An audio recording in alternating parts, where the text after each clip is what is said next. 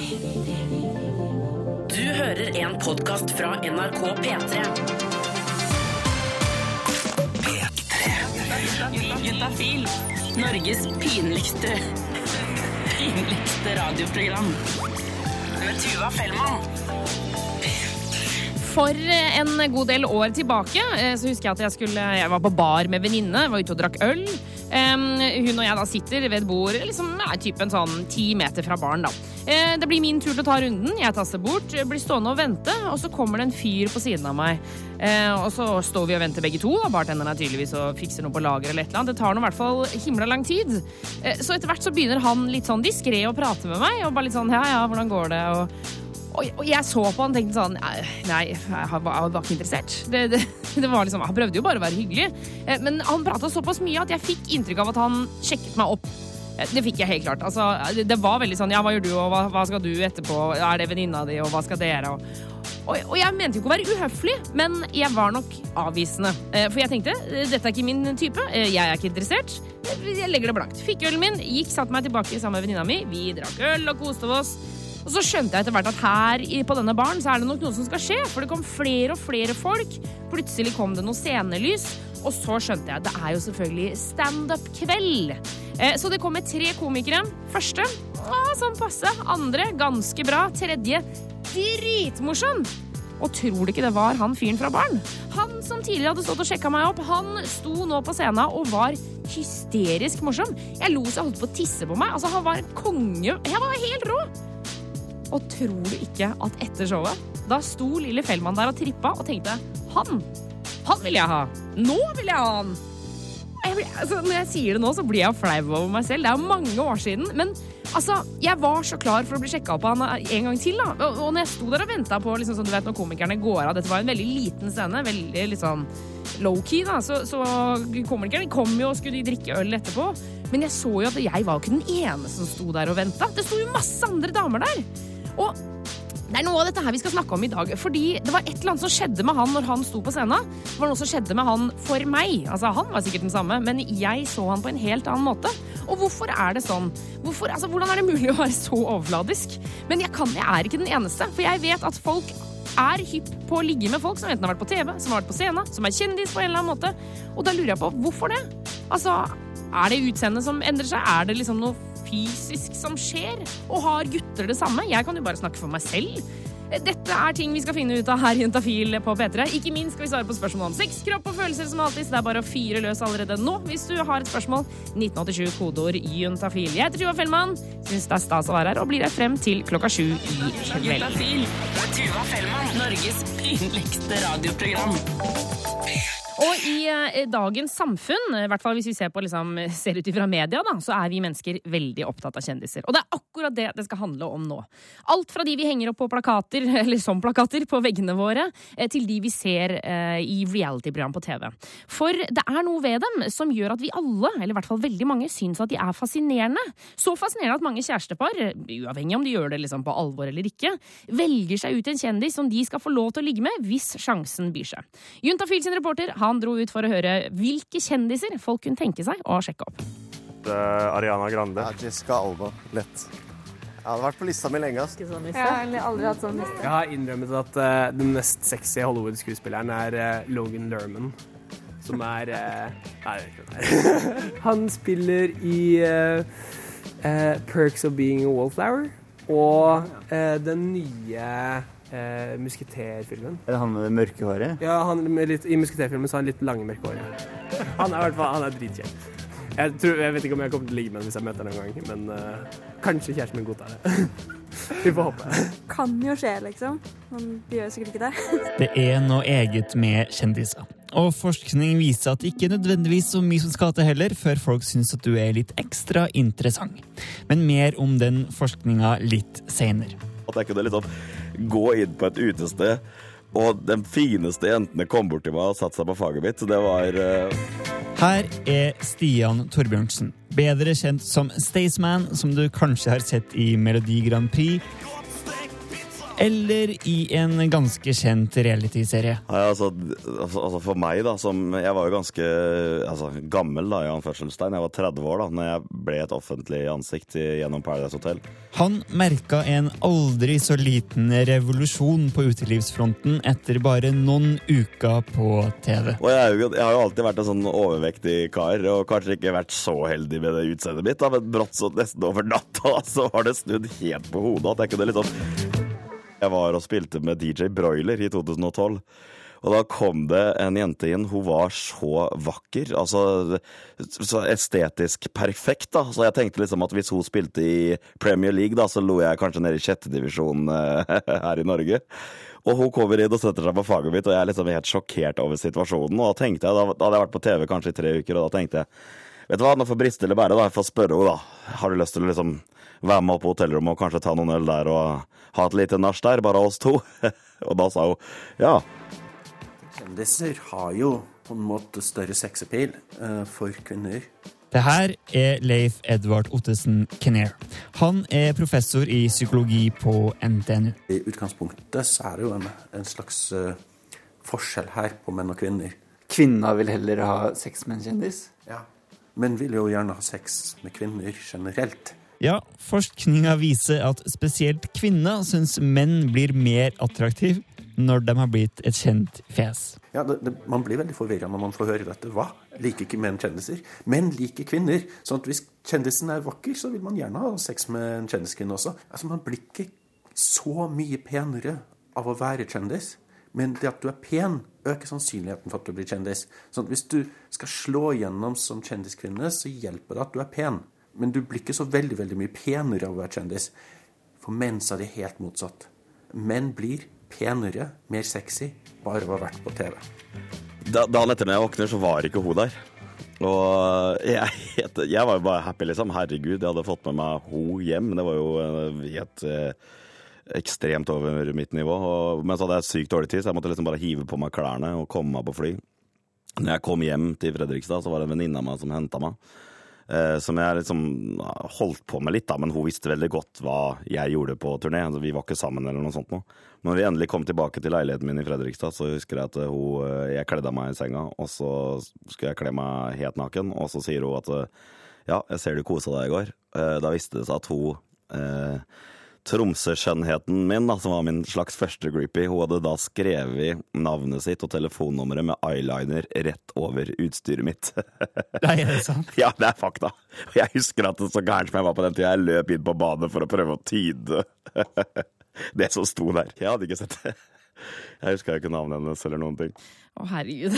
Og mer eh, om hva som ligger bak det kvinner og menn ser etter når det gjelder tilfeldig sex. Det skal du høre mer om straks her på P3. P3. Hvor vi faktisk snakker om kjendiser. Eh, vi hørte nettopp fra en forsker som sier at det er sånn at kvinner eh, ofte syns at menn blir mer attraktive dersom de har vært på TV. Vi lurte på om dette egentlig stemmer, og blir ikke menn påvirka på samme måte? Eh, Stian Staysman har i alle fall opplevd å bli mye mer ettertrakta eh, ute på byen etter at han var med på Paradise Hotel. Det som var litt rart, var at etter hvert så I starten så tenkte jeg at herregud, jeg bruker kjendisstatusen min for å få jenter. Men etter hvert så skjønte jeg jo det at jeg ble jo teppebomba over hele Instagram og Snapchat av de jentene jeg hadde på meg, med meg på et eh, hotellrom. da, for De skrøt at de var der, og etter hvert så begynte jeg å skjønne at det, det er jo dem som utnytter meg. Ja, Stian sier at han på kort tid gikk fra å være den fyren som kanskje ble stående alene på utestedet, til å stadig vekk bli sjekka opp. Det som var at jeg syns det var så rart, for at de, de posta liksom at de var der. Hva skrev de da, for eksempel? Nei, altså jeg er på hotellrommet til Stian. Og så bilde med meg. Kanskje jeg satt og drakk en øl i senga. Det var eh, fryktelig uh, bisart til tider, altså. Eh, men samtidig da, så tenkte jeg at den muligheten Det å kunne få lov da, til å få leve litt som en rockestjerne, da, eller den typiske klisjeen, den er det ikke mange som får sjansen til i løpet av et liv. Jeg tenker at dette har litt med um, hva kvinner ser etter når de vurderer menn som attraktive eller ikke. Leif Edvard Ottesen Kner forsker på sex og psykologi på NTNU. Han sier at eh, kvinner syns menn blir mer attraktive når de er kjendiser, mens menn ikke tenker på den samme måten. Menn bruker i stor grad fysisk ungdommelighet, eh, skjønnhet, eh, kropp, ansikt, disse tingene. Altså, er en jente, så er hun pen, i stor grad. Mens kvinner i langt, langt større grad benytter sånne faktorer som er han viktig, betydningsfull, har han status? Jenter syns ofte gutter er penere hvis også alle andre syns at de ser pene ut. Litt sånn effekt. Jenter ser mer på personlighet. Gutter ser kanskje mer på utseendet enn jenter gjør. Så hvis de får vite mer om den personen, så Det er kanskje flere damer som er gold diggers, da? kanskje? Menn vurderes ikke i attraktivitet ene og alene på bakgrunn av utseende. Eh, Det gjør ikke kvinner heller, men i langt mindre grad gjelder dette for menn. Men er menn så enkle? Eller da føler jeg liksom at, at, eh, at menn tiltrekkes bare liksom det vakre, liksom sånn mer sånn simpelt og enkelt. Er, er, vi, er vi menn så enkle, på en måte? Eller? Ja, kvinner er jo også enkle sånn sett på one night stands-sida, hvis du tenker på det. Altså, det at man har vært i tre episoder av en realityserie, eh, og så vil man ligge med en, er det mindre enkelt med det? Kanskje ikke når du sier det på den måten. Ja, så er vi kanskje bare enkle mennesker alle sammen når vi ser på hvem vi vil ha tilfeldig sex med. Dagen derpå, da, når man er edru, så er det Da var det kanskje ikke så fascinerende allikevel. Jeg vet ikke. Det, det var kanskje fascinerende på kvelden dagen før, når man hadde litt promille, og så han eh, fyren som eh, alle ville ha en bit av. Eh, dagen etterpå, når man våkner og Våkner opp kanskje da ved siden av meg, og jeg har morgenånde og ligger der i bar overkropp og er, og er syk. Og, og jeg vet ikke, kanskje, kanskje det går opp et lys for dem at shit, han er jo egentlig som alle andre der ute. Etter ett år med rockeliv og one night stands fant Stian ut at det var nok. Jeg tror det gjør et eller annet med deg hvis man lar det greiene der gå for langt. Og jeg, jeg er veldig glad for at jeg fikk det i voksen alder, på en måte. At uh, hadde jeg fått det her som 18-19-åring, så tror jeg fort hadde klart å skurre det til for meg sjøl. Med tanke på at da Jeg tror at man da hadde trodd på en helt annen måte at man faktisk var attraktiv. At man var eh, sexy. At de, alle jentene ville ha deg, for det var, var en sinnssykt kul kar. Du føler det sånn at du går på et utested, så kan du få hvem du vil. Og det er jo en merkelig, merkelig, merkelig situasjon å komme opp i. Og reporter her var Remi Horgard. Takk til Stian Staysman. Nå får du Find Me og straks Crazy her på P3. P3. Jeg tror vi har fått besøk av Trine fra Sex og Samfunn. Velkommen, Trine! Tusen takk, Tuva. Sex og Samfunn er en gratisklinikk som ligger i hovedstaden, men på torsdager her på P3 så deler vi dere med resten av landet, og ikke minst på sexogsamfunn.no. Der deler dere også folk med Eller der deler dere det sjøl, da, med resten av landet. Vi gjør det. Lause som dere er. Helt klart. Eh, Sexogsamfunn.no eh, hvis du har lyst til å stille spørsmål på chatten der. Eller så kan du sende SMS akkurat nå til 1987 kodeord juntafil og stille dine spørsmål om sex, kropp og følelser. Skal vi bare hive oss på, Trine? Det kan vi gjøre, vet du. Ja da. Her står det Hei, Tuva. Og hei, juntafil. Jeg var i et forhold nylig som varte i tre år. Hver gang vi hadde sex, måtte jeg hoppe av i svingen. Selv om hun gikk på p-piller. Når jeg hopper av i svingen, så får jeg ca. 25% av nytelsen som jeg får av å komme inni jenta. Når jeg ser tilbake på dette i ettertid, tenker jeg at hun var egoistisk. Med tanke på hvor ofte jeg spurte om det var greit at jeg kom inni hun. Dette førte til at sexen ble kjedelig for min del, eh, og det ble noe jeg bare ville få overstått. Jeg foretrakk å runke fremfor å ha sex. Hva tenker dere? Hilsen mann 19. Parentes, ja, vi var like gamle. Ja. Hva tenker du om dette, da? Nei, eh, vi vet jo bare den ene delen, så her må vi jo Vi vet ikke helt hvorfor hun ikke ønsket at han skulle komme inn i henne. Nei. hvis det var fordi hun var redd for at hun kunne bli gravid selv om hun gikk på p-piller, så tenker jeg at da har hun ikke fått uh, den tryggheten og den gode informasjonen hun kanskje skulle hatt. Nei, ikke sant, for da har, altså sånn, Jeg vet jo at det er mange jenter som går med nesten litt sånn noia for å bli gravid. At det er sånn ja, men selv om jeg går på p-piller, så har jeg hørt at jeg kan bli gravid, så jeg takker sjansen, liksom. Ja, og det er jo sant hvis man ikke bruker p-pillene riktig. Eh, hvis man glemmer mye p-piller og gjør mye feil, da kan man jo ha det man kaller for en prevensjonssvikt og bli gravid allikevel. Men bruker du p-pillene dine riktig, så går det fint. Og er det sånn at du er veldig stressa og veldig bekymra for eh, den prevensjonen du bruker, da lønner det seg å gå tilbake og kanskje skifte til en annen eh, type prevensjon som du føler du kan stole mer på. Ikke sant? Så, så det tenker jeg, hvis, hvis dette hadde vært akkurat nå, eh, gutt 19, så, eller mann 19, så, så tenker jeg at da hadde jeg foreslått at det kanskje skulle gått til fastlegen sammen, eksempel, og prate om dette her, sånn at hun ville eventuelt ville få denne tryggheten. da. Eller helsestasjon for ungdom, eller Ikke sant. Men så kjenner jeg sånn, det er et eller annet i meg, Trine, som, som rykker. Fordi jeg, jeg, jeg forstår jo eh, denne siden fra han som har sendt inn SMS til oss. Men så er det et eller annet prins, så prinsipielt så har jeg litt vanskelig for å si, liksom, snakke om egoisme når det kommer til sex, da. Ja, og jeg tenker at det er jo også mange andre grunner til at mange jenter ikke har lyst til at gutten skal komme inn i henne. Det kan jo også være at hun syns det er eh, ubehagelig å få sæd i seg. Eh, det trenger jo ikke å være det at hun er redd for å bli gravid. Eh, For mange jenter syns at det blir litt ubehagelig etterpå når sæden kommer ut, og at eh, de kanskje syns det er best å slippe å ha det på innsiden. Og da tenker jeg at det må man jo få lov til å bestemme selv. Og så kan man jo da, som gutta, kunne man jo kanskje ha tatt på et kondom på slutten, eksempel, og hatt på det når man kom. Så ville jo det kunne kanskje ha ordnet det problemet. Ja, ikke sant. Men, også, men for det er jo en fin linje, for jeg tenker sånn når man er i et forhold, da, sånn som, i hvert fall som disse som har vært i et forhold lenge, eh, det er jo også litt sånn gi og ta, er det ikke det? Eh, Altså sånn, jeg mener, på ingen som helst måte at man skal presse noen til å gjøre noe sånt, og så sier man nei, så sier man nei. Det, det mener jeg helt. Men, men av og til så handler det jo også om, om å liksom prøve å være sammen og høre på hverandre. Jeg skjønner jo at det er kjipt for han hvis han føler at han bare får 25% av nytelsen. Absolutt. Og derfor så tenker jeg at uh, her vet jo ikke vi hvorfor uh, hun ikke ønsket. Og kanskje vet ikke han det heller. Nei, så der er det en lære, liten lærepeng til, eh, til mann 19 her. Du, ja, vi må vite hvorfor. Og det kan hende at du også hadde trengt å vite hvorfor. Ikke sant? Og kanskje kunne man da snakket om det og diskutert det lite grann, men eh, det er klart at eh, hvis det bare var fordi hun var redd for å bli gravid, så er jo det veldig leit at jenter i dag går rundt og er fortsatt redde for å bli gravid selv om du bruker trygg prevensjon. Så det er jo noe som mange kanskje må snakke litt mer om, da. Ok. Jeg, Jeg tenker, eh, mann 19, eh, takk for melding. Eh, Jeg skjønner eh, jeg jeg skjønner følelsen din, og jeg skjønner tankegangen. Men så tenker jeg også sånn, nå har det gått lang tid. Jeg tror kanskje du bare må Altså, Det er ikke noe vits å gnage noe mer på det. da. Du har slutta å ligge med henne uansett, regner jeg med. Siden de ikke er kjærester lenger. Det er jo ikke alltid det. Nei, det er sant. det. Ja, ja, men da får dere begynne å prate mer om det, da. Da må dere snakke mer ordentlig. Men takk for melding, og jeg håper det var, eh, håper det var OK svar. Eh, vi skal ta for oss flere spørsmål. Still ditt til 1987, kodeord juntafil. Send av gårde akkurat nå.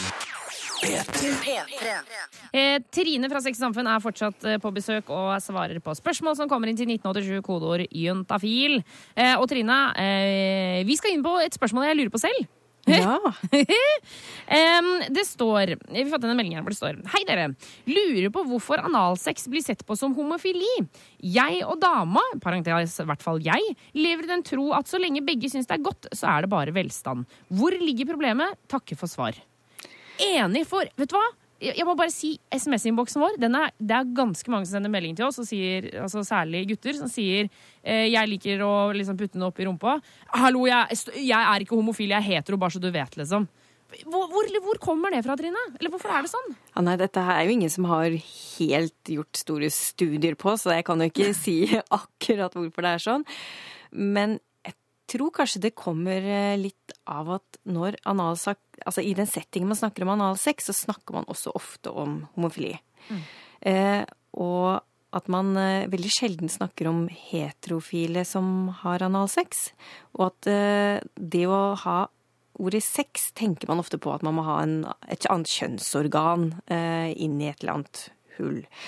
Eh, og at man da tenker at vil man da ha analsex og er mann, så må man ha en penis. Og da vil det bety at man er homofil. Men Alt dette er jo helt feil! Det er nemlig det. Alt sammen! Det er det som er så veldig vanskelig. Fordi folk eh, For det første, sex er jo alt mulig rart. Og det å være homofil betyr jo ikke at du verken trenger å like å ha noe i rumpa di, eller like å ha analsex. Det betyr, har ingenting med den saken å gjøre. Og jeg tror at det er veldig mye tabu rundt uh, dette med å være mann og like analsex som vi er nødt til å bryte ned. Ja, altså, for, for som sagt, da. Dette spørsmålet kommer inn ofte til oss, folk som, uh, som lurer på liksom, hallo, er det noe gærent med meg, jeg syns det er kjempedeilig. Så blir jeg sånn Jeg tror ganske mange andre syns det er deilig også. Ja, fordi alle menn, uansett de li hvem de liker å ha sex med, er jo utstyrt med denne prostatakjertelen eh, i anus. Ja. Og den prostatakjertelen, den er veldig følsom, og mange menn får veldig lett orgasme når man eh, prøver å stimulere denne prostatakjertelen. Men hvordan stimulerer man egentlig da, Trine? Jo, altså hvis man eh, kan bruke en finger, eller man kan bruke noe annet eh, rundt og glatt. En buttplug, liksom? For eksempel. eh, og så kan man da Er det sånn litt opp i endetarmen. Så liksom, hvis du presser da mot penis, altså ikke mot ryggen på en måte, men mot penis. Ja, I retning av ballene, liksom? Ja. Så er det da et lite område der hvor man da kommer kan eh, komme i kontakt med hvor prostatakjertelen ligger. Rett på baksiden der. Og det er superdigg, liksom? For veldig mange, ja. Eh, Det trenger jo ikke være for alle, eh, men det er eh, greit å ha sjekket det ut hvis man er nysgjerrig på om det gjelder deg. Og det er jo kjempespennende! Jeg skulle så ønske at jeg hadde flere ting ved kroppen min som jeg ble sånn Å, herregud, jeg har ikke prøvd! det må jo være så gøy! Ja. Alle dere gutter der ute må jo prøve det med en gang. Ikke sant? Og da, om man liker det, eller så har det jo ingenting å si med hvem man liker å ha sex med. Det betyr jo bare at kroppen har et punkt der som tilfeldigvis er rundt Som er i anus, da. Ok, så eh, Hvis vi skal oppsummere her, eh, til deg som har sendt inn spørsmål vi, eh, altså, eller Du har jo svart på det, hvorfor vi tror at det knyttes til homofili, men det er det slettes ingen grunn til å gjøre. Forstår jeg det rett da, Trine? Ja, helt rett. Og det fins jo de som er homofile som ikke liker det også. Ikke sant? For det, det, Jeg leste en undersøkelse for en stund siden hvor det sto hvor det sto at det, det er ikke sånn at alle homofile par har analsex, f.eks. Det absolutt ikke. Nei, og derfor så syns jeg det er veldig Dette med at rumpehullet skal på en måte knyttes til en seksualitet, det er jo helt eh, Det er jo helt bak mål. Så det er veldig fint at eh, man får sånne SMS-er, så man kan prøve å bygge ned disse tabuene rundt eh, hva slags type sex man har. At det skal ha noe å si hva slags seksuell legning man har. Ikke sant. Ok, um, Vi skal ta for oss flere spørsmål, men nå har dere, eller veldig mange av dere fått en lita lærepenge. Test ut den der lille duppetitten inni der. P3. Du hører på Juntafil, Norges pinligste radioprogram. Det er vi glad og stolte av, i hvert fall jeg som heter Tuva, som er programleder. Og Trine, som jobber i Sex og Samfunn, eh, som er her i form av Sex og Samfunn og som lege. Og som person, selvfølgelig, Trine. Jeg skal ikke definere deg ut fra din tittel. Det var jo hyggelig, da. Vi snakker eh, som vanlig om sex, kropp og følelser. Du der ute kan stille dine spørsmål til sexogsamfunn.no eller 1987 kodeord juntafil. Da kommer det opp på skjermen vår, eh, og så svarer vi så, eh, så raskt vi kan. Vi har fått inn en Guri malla, unnskyld. Eh, Vi har fått en SMS fra Jente21. Er du klar, Trine? Ja. Her står det. Hei, eh, jeg holder på litt med med en fyr, eh, og når vi har sex, så kommer han veldig kjapt og har derfor begynt å edge. Altså at man har sex helt til man nesten kommer, og så trekker seg ut og tar en liten pause. Vi kaller det av og til Er det er det samme som start-stopp-teknikken, eh, Trine? Ja. Som vi snakker om. Det er i hvert fall det jeg har inntrykk av, da. Så står det uansett, greia hans, eller greia er siden han kommer så veldig fort, så tenker han Eller altså, han kommer veldig fort, og han tenker at da er vi ferdig. Men jeg kommer jo aldri. Så det jeg lurer på er, er det greit å fortelle hva jeg liker og hva jeg vil ha? Føler det er et litt sårt tema for han, eh, nettopp fordi han kommer så kjapt. Hilsen jente21. Jeg tror det er ganske mange som kjenner litt på det. Eh, og kanskje så føler man litt at hvis man tar det opp, så gjør man at gutten blir enda mer flau. Eh, og kanskje gutten tenker at uff, ja nei, nå kommer jeg så fort, jeg får bare late som ingenting, og kanskje blir eh, altså stemningen litt rar også etterpå. Eh, men det virker som de har begynt å jobbe med det, i og med at de har begynt med litt sånn start-stopp-teknikk. Og i den forbindelse så tenker jeg at det er fint å snakke om litt andre ting også. Og for mange jenter så kan det jo eksempel være fint hvis man forteller hvordan man liker å bli tatt på, og hvordan man pleier å få orgasme selv. Ja, ikke sant? For jeg tenker jo et eh, stort, klart eh, rungende ja til eh, om det er greit å fortelle hva man liker og hva jeg vil ha. Absolutt. Og det er veldig fint at hun har lyst til å ta vare på hans følelser, men hvis det gjør at hun ikke har lyst til å fortsette å være sammen med han, så er, det jo, er det kanskje bedre at hun forteller det, enn at hun eh, knuser hjertet hans eller slutter å ha sex med han. Ikke sant? Men, men også tenker jeg sånn, treng, altså jeg tenker at du trenger jo ikke å si eh, Hei, eh, du, jeg tenker siden du kommer så innmari fort, kan vi prøve noe annet? Altså, du kan jo altså, vri det inn på du kan si for eksempel Å, jeg leste en eh, undersøkelse her om dagen. Nå har det jo eh, altså, At klitoris er mye større enn det man egentlig har trodde. Vet du hva, jeg har egentlig litt lyst til Kan vi prøve å liksom fokusere mer på det området? Eller eh, kan Jeg har sett på film at eh, noen går ned på dama si. Kan vi prøve det? Altså, hun trenger jo ikke å knagge det på at han kommer tidlig. Absolutt ikke.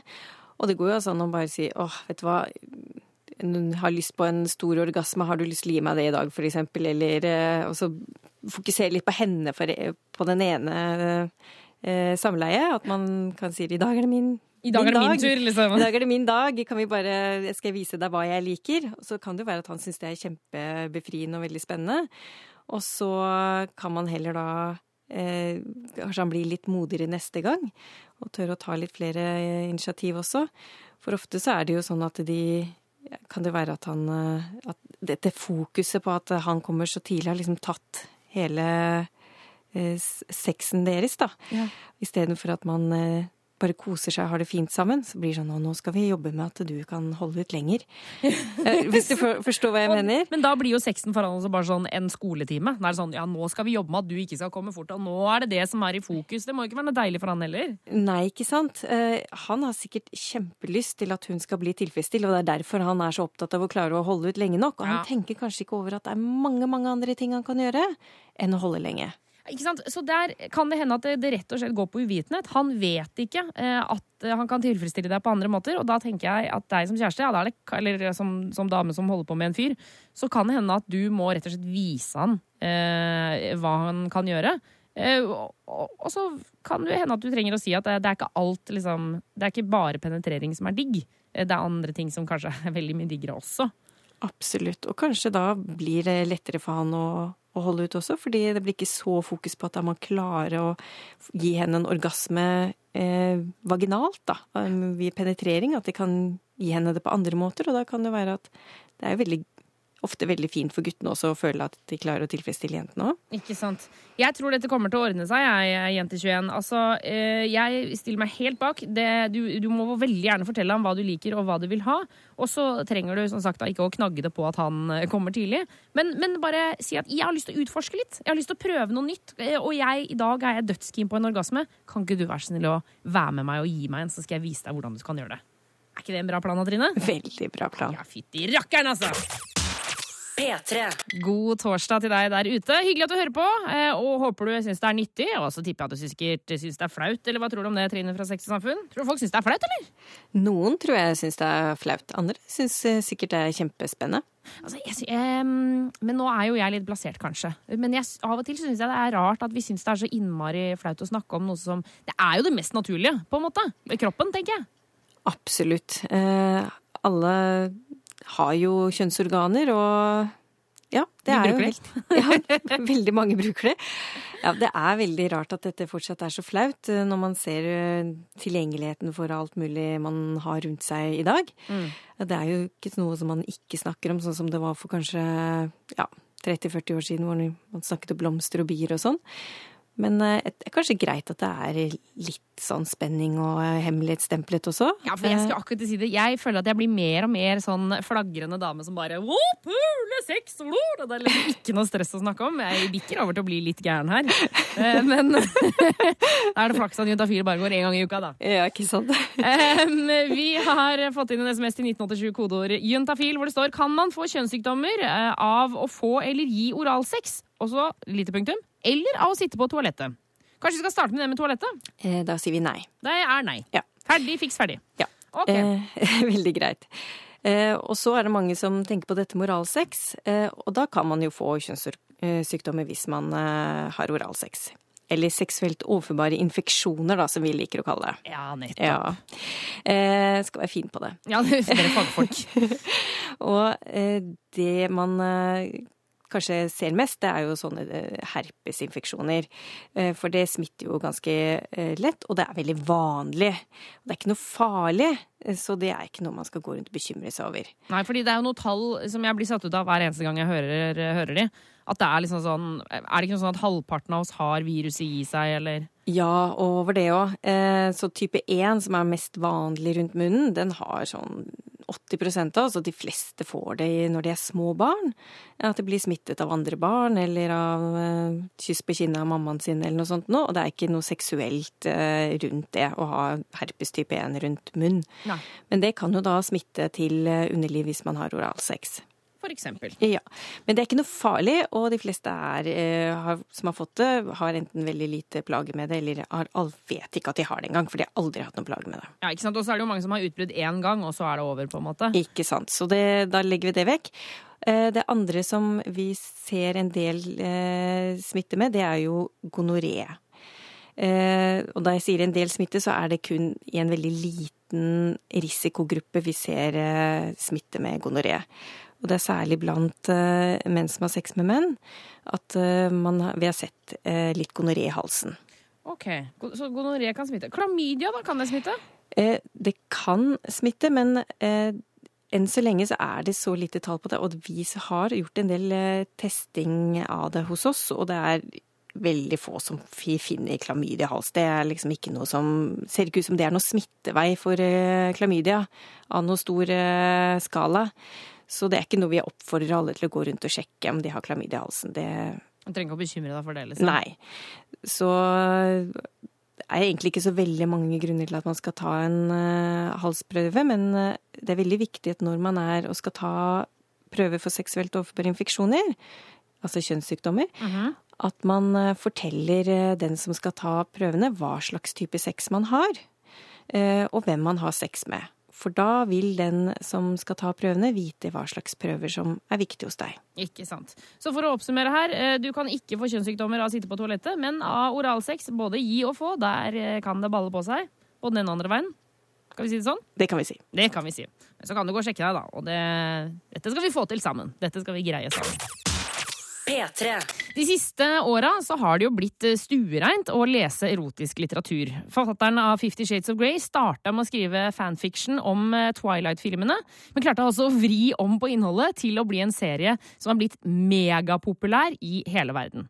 Nå nylig så kom også bokserien Calendar Girl, eh, som prøver å ri på samme bølgen, men det har liksom ikke kommet et norskt svar på denne trenden. Det vil si før nå. Du har kanskje sett henne som talkshow-vert i Dritseint med Edel, dama som er mistenkelig lik eh, Henriette Stensrup, men altså, det er bare meg. Kan hende det bare jeg som syns det. Nå kommer Edel med en egen erotisk bok som heter Kalenderpiken, med historier som skal være selvopplevd. Og vi i Intafil vi er så heldige å ha fått henne på besøk, og hun skal lese høyt for oss. Her får du et utdrag fra kapittelet som heter Skam. Han eide ikke mye skam. Skam-William.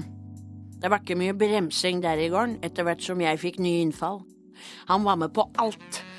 Det var 69, det var bikkje, det var en finger inn her, og det var et nesegrev inn der. Jeg tredde meg nedpå, vi rulla rundt. Det var griseprat, og det var plugger som blei dytta inn både her og der. Og til og med da jeg plasserte den i en sånn huskeavhengende og spente på meg gummikjepp med belte, ja, da var det ja-fase. Det var helt utrolig. Ikke bare hadde jeg fått med meg Skam-William hjem, på toppen av det hele fikk jeg prøvd ut hele repertoaret. Til og med ting som ikke var på repertoaret, fikk jeg prøvd ut. Da jeg gikk i kjøleskapet og henta en boks med makrell i tomat som jeg smørte ut foran tilbake, ja, da slurpa William fra Skam det i seg. Helt makeløst var det det han gikk med på. Sjøl om jeg hadde følt meg edru ei stund, var jeg ikke i nærheten av å få orgasme. Men det var litt viktig for meg at han fikk, og aller helst på en litt minneverdig måte. Jeg ba han komme i en kartong H-mjølk som jeg hadde glemt å sette inn i kjøleskapet, og etter at den hadde kommet, helte jeg i meg hele kartongen, alt inkludert, og så gurgla jeg før jeg svelga unna. Akkurat det ble jeg faktisk litt uvel av, så jeg gikk på dosen for å rope på elgen, og da jeg kom tilbake, lå William og sov. Gudene skal vite at jeg var gåen sjøl, så jeg la meg ved siden av og sovna på et blunk. Fuglene kvitra muntert da jeg letta på øyelokka morgenen etter. Han lå der heldigvis enda med ryggen til. God morgen, syvsover, sa jeg og ruska han i håret. Vil du ha egg og bacon til frokost? Han rulla seg mot meg og smilte. Ja takk. No, nei, jeg gnei meg i øya. Skam, skam kjente jeg på, skam som jeg aldri har kjent på, verken før eller siden. Det var ikke han. Flashback. Jeg tok fram mobilen for å dobbeltsjekke på Instagram, og posten levna ingen tvil. Sjekk hvem jeg er sammen med på Øyafestivalen, da! lød fortsatt teksten. Men det var ikke William som var på bildet, og det var null likes. Null! Det var Jan på bildet. Gode, gamle Jan, min trofaste au pair fra Hongkong. Eller Tokyo. Eller Shanghai. Jeg vet da søderen hvor han er fra, jeg. Ja. Og dette var altså et lite stykke høytlesning med selveste Edel. Og hvis du syns dette var drøyt, ja, da kan du bare vente litt til, så skal du få et uh, utdrag uh, som jeg tror uh, ja, kanskje er hakket verre. Men jeg gleder meg i hvert fall masse. P3. Og hvis du sitter og hører på radioen i bilen med barn i baksetet, så er det nå du skal bytte kanal, min kjære venn. For samtidig som hele verden sitter og venter på neste film i Fifty Shades of Grey-serien, så kommer det nå en norsk bok som ikke nødvendigvis går Fifty Shades direkte i næringa, men som kanskje klarer å stjele litt glans. Talkshow-verten Edel fra programmet Dritseint med Edel kan du nå si bli, se bli kreditert som forfatter av boka Kalenderpiken. Juntafil har fått besøk av Edel, som er klar for å lese enda et lite utdrag fra boka, og denne gangen så er det en scene som finner sted i en hockeygarderobe. Det blei tidenes hockeykamp. Det var ikke spennende et sekund. 1-0, 2-0, 3-0, 4-0. Puckene rant inn bak stjernekeeperen. Det holdt på å gå for meg inne i hallen flere ganger, men jeg klarte å tøyle meg.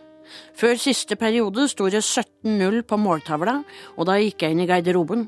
Jeg dro ned buksa, smørte litt tigerbalsam i brunøyet for å mykgjøre, og så var det bare å stelle seg på alle fire og vente på at sirena gikk inn i hallen.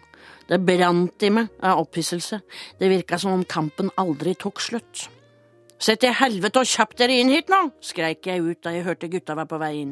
Hold kjeften på deg, de tispe, hørte jeg Espen Sjampo Knutsen si før han trøkka en puck i kjeften på meg og surra noen runder med sportsteip rundt huet mitt, så pucken satt skikkelig fast.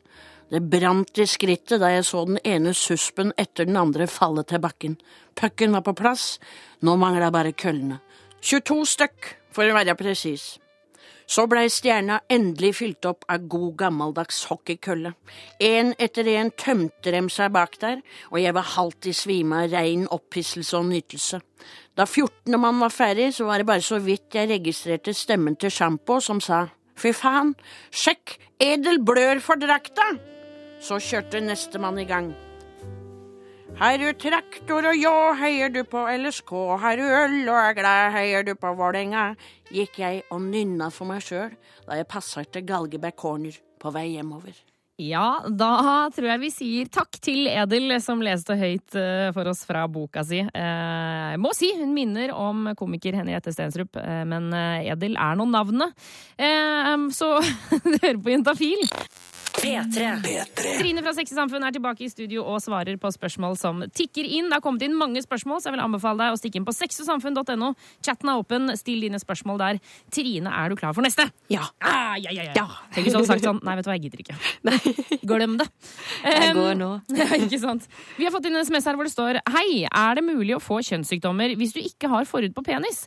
Glans på penis min er tørr, og jeg lurer på om det er derfor jeg aldri har fått noen ting. Har ligget med rundt 40 jenter. Hilsen gutt 29. Ja. Eh, du kan få kjønnssykdommer eh, selv om du, har, eh, selv om du er omskjært. Ja. Og ikke har forhud. Ja, for jeg bare Det kan du. ja, Så vi bare begynner med det. Ja, Helt klart og tydelig. Eh, ja. Eh, det som er, er at eh, disse bakteriene, klamydabakterier og gonorébakterier og sånn, de trives ikke på forhuden eller på glans. De trives i urinrøret. Og den er helt lik om du er omskjært eller ikke. Ok, Så vil det si at denne fyren har egentlig bare hatt ganske flaks, da, eller? Ja, eller det kan være at han har hatt klamydia, men han har ikke visst om det. For du må huske på det, eh, Tuva og alle dere der ute, at eh, de fleste gutter merker ikke at de har eh, klamydia. Nei. Så de kan altså gå rundt og smitte mange, og så vet de ikke det selv. Og det gjelder også veldig mange jenter, men det er litt flere jenter som får symptomer. Altså okay. få plager, da. Men vil de si at klamydiaen kan forsvinne igjen? Den kan dabbe av, liksom? Ja. øh, For de mange så vil den forsvinne spontant, men hvor lang tid det kan ta, det vet vi ikke. Og hvor mange du kan smitte? Og hvor mange du kan smitte i i mellomtiden, det vet vi jo heller ikke. Nei. Så det er jo veldig mange som kommer øh, på eh, Sex og samfunn, på klinikken, og er vel litt lei seg eller litt fortvila fordi de har møtt en de virkelig likte. Og så har de begge to funnet ut at de har klamydia, og så er det sånn Hvem var det som tok med seg dette inn i forholdet? Ja, sånn, ja. Og da tenker jeg det er så veldig fint å bare Hvis man sjekker seg Hvis man har hatt en ny partner, så veit man i hvert fall eh, hvor ting ligger, og at man ikke er den som tar med seg noe videre. Ikke sant? For da kan man gå sammen. Sånn, eh, altså? Hvis du får en ny kjæreste og sier sånn Vi har begge to ligget med noen andre. Skal vi bare stikke sammen og sjekke oss, og så er vi ferdig med det, på en måte? Ikke sant. Og så er det så greit. Da er det, trenger man liksom ikke å få dette som en overraskelse sånn fire måneder etterpå, eller Mm, og, og ikke minst begynne å diskutere hvem er det som har vært utro. Ja. Eh, hvem er det som har eh, ja, tatt dette med inn? Ikke fra starten av, men nå, liksom.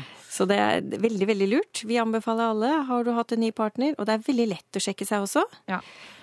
Og raskt, altså sånn behandling av klamydia, hvordan er det? Det er antibiotika? Det er det. Så da vil man få syv dager med antibiotika. Da tar man to piller hver dag. Er det sånn at man ikke kan drikke alkohol når man går på den antibiotikaen? Eh, Man kan drikke alkohol, men at det lønner seg å ikke Selvfølgelig ikke å bli sånn superfull. Eh, fordi man kan både kaste opp, sånn at man ikke får den behandlingen, og man kanskje glemmer at man ikke skal ha sex mens man går på behandlingen. Eh, og så er det mange som kommer etterpå og er litt fortvila fordi de er da redde for at kanskje ikke behandlingen virker, og kanskje redde for at de kanskje har smittet noen partneren sin på nytt, eller ja. Så bare når det går de syv dagene, bare litt, uh, gjør det litt ordentlig, så slipper man å bekymre seg mye etterpå. Ikke sant. Eh, Trine fra Sex og Samfunn er fortsatt på plass i studio, og før vi gir oss, eh, Trine, så skal du få med deg et siste spørsmål som du skal få bryne deg på. Oi. Ja, for dette her er vanskelig. Eh, det syns i hvert fall jeg. Um, eller, ja, vi har fått inn en SMS her fra ei jente på 21 år, hvor det står Hei, jeg har aldri kommet vaginalt før, noe som jeg syns er kjipt. Jeg kommer kun ved at gutten går ned på meg. Har dere noen tips på hvordan jeg kan oppnå orgasme vaginalt? Oi, jeg skjønner hva du mener. Ehm, Det har vi jo. Vi har jo mange tips. Ja. Det er tross alt juntafil. Ja, tross alt. Er det vi gjør, liksom. Eh, Det som er, kanskje er grunnen til at hun kommer eh, når hun blir eh, stimulert når han går ned på henne, er jo kanskje at da får hun liksom maks klitorisstimulering. Ja. Og kanskje hun trenger det for å komme. Og kanskje kan man jo gjøre begge deler, tenker jeg, når man har ja. vaginalt eh, samleie. At man forsøker å stimulere klitoris samtidig. Altså for da eksempel med et eh, aldri så lite leketøy, for eksempel? For eksempel leketøy, eller det fins jo enkelte stingling hvor gutten kan stimulere med fingrene sine mens han er inni henne også. eh, og hun kan stimulere seg selv. Og du, vi hadde en jente i panelet her som sa en gang at eh, hvis hun satt oppå gutten og lente seg ganske mye fremover, så kunne hun på en måte gå inn og ut av gutten samtidig som hun liksom gnikka klitoris litt inntil liksom eh, eh, kroppen hans. Ikke sant? Så det går an å prøve. Veldig godt tips. Så her er flust med tips. Så det er veldig mange jenter som ikke kommer ved som vaginalt. Og noen ganger er det jo rett og slett fordi man eh, kanskje blir så opptatt av at man skal klare å komme, eh, at man er så opptatt av den orgasmen, eller at man eh, kanskje har en stilling som ikke er så veldig stimulerende for den personen. Så det går jo an å forsøke litt nye typer stillinger òg. Og så er det jo viktig at man er ordentlig tent. Ikke sant, Du må være klar i, i huet her for å få en orgasme. Men, men jeg, jeg må jo bare si at jeg vet jo også om veldig mange jenter som ikke kommer altså, vaginalt. At det bare det er ikke sjans, liksom. Det må, klitorisen må til. Det, ofte så er det jo bare på pornofilm man ser at det liksom det går i både bakker og altså Det bare tar helt av når det er noe inni, inni skjeden der. Da er det liksom helt kongerike. Og så er Og det det er noe sånn. som heter fake orgasme også. Ja, jeg har en det. følelse av at pornoindustrien benytter seg litt av det. Lite grann, kanskje. Ikke så mye, men bare bitte lite grann. Ja, OK. Så, så eh, hvis vi skal oppsummere her, da, eh, så tenker jeg at du må ikke bruke for mye tid på å klare å få til den eh, vaginalorgasmen, for det er jo ikke sikkert at den kommer. Nei. Men du har jo fått den andre orgasmen. Det er jo mange som ikke får til det heller. Absolutt. Herregud, du må bare være fornøyd med dette. Men som sagt, sånn som Trine sier, prøv å få stimulert klitoris samtidig. Eh, og så kan det hende at det kommer, kommer i mål med både medalje og det som er. Jeg ser liksom for meg sånn opptaksprøve, sånn eh, audition på pornoindustrien. Ja! Klarer du å fake en orgasme? Nei, det er jeg ikke så god på. Sorry, ut. Trine fra Sex og Samfunn, tusen, tusen takk for at du kom innom Juntafil i dag. Tusen takk for at jeg fikk komme. Du finner flere podkaster på p3.no podkast.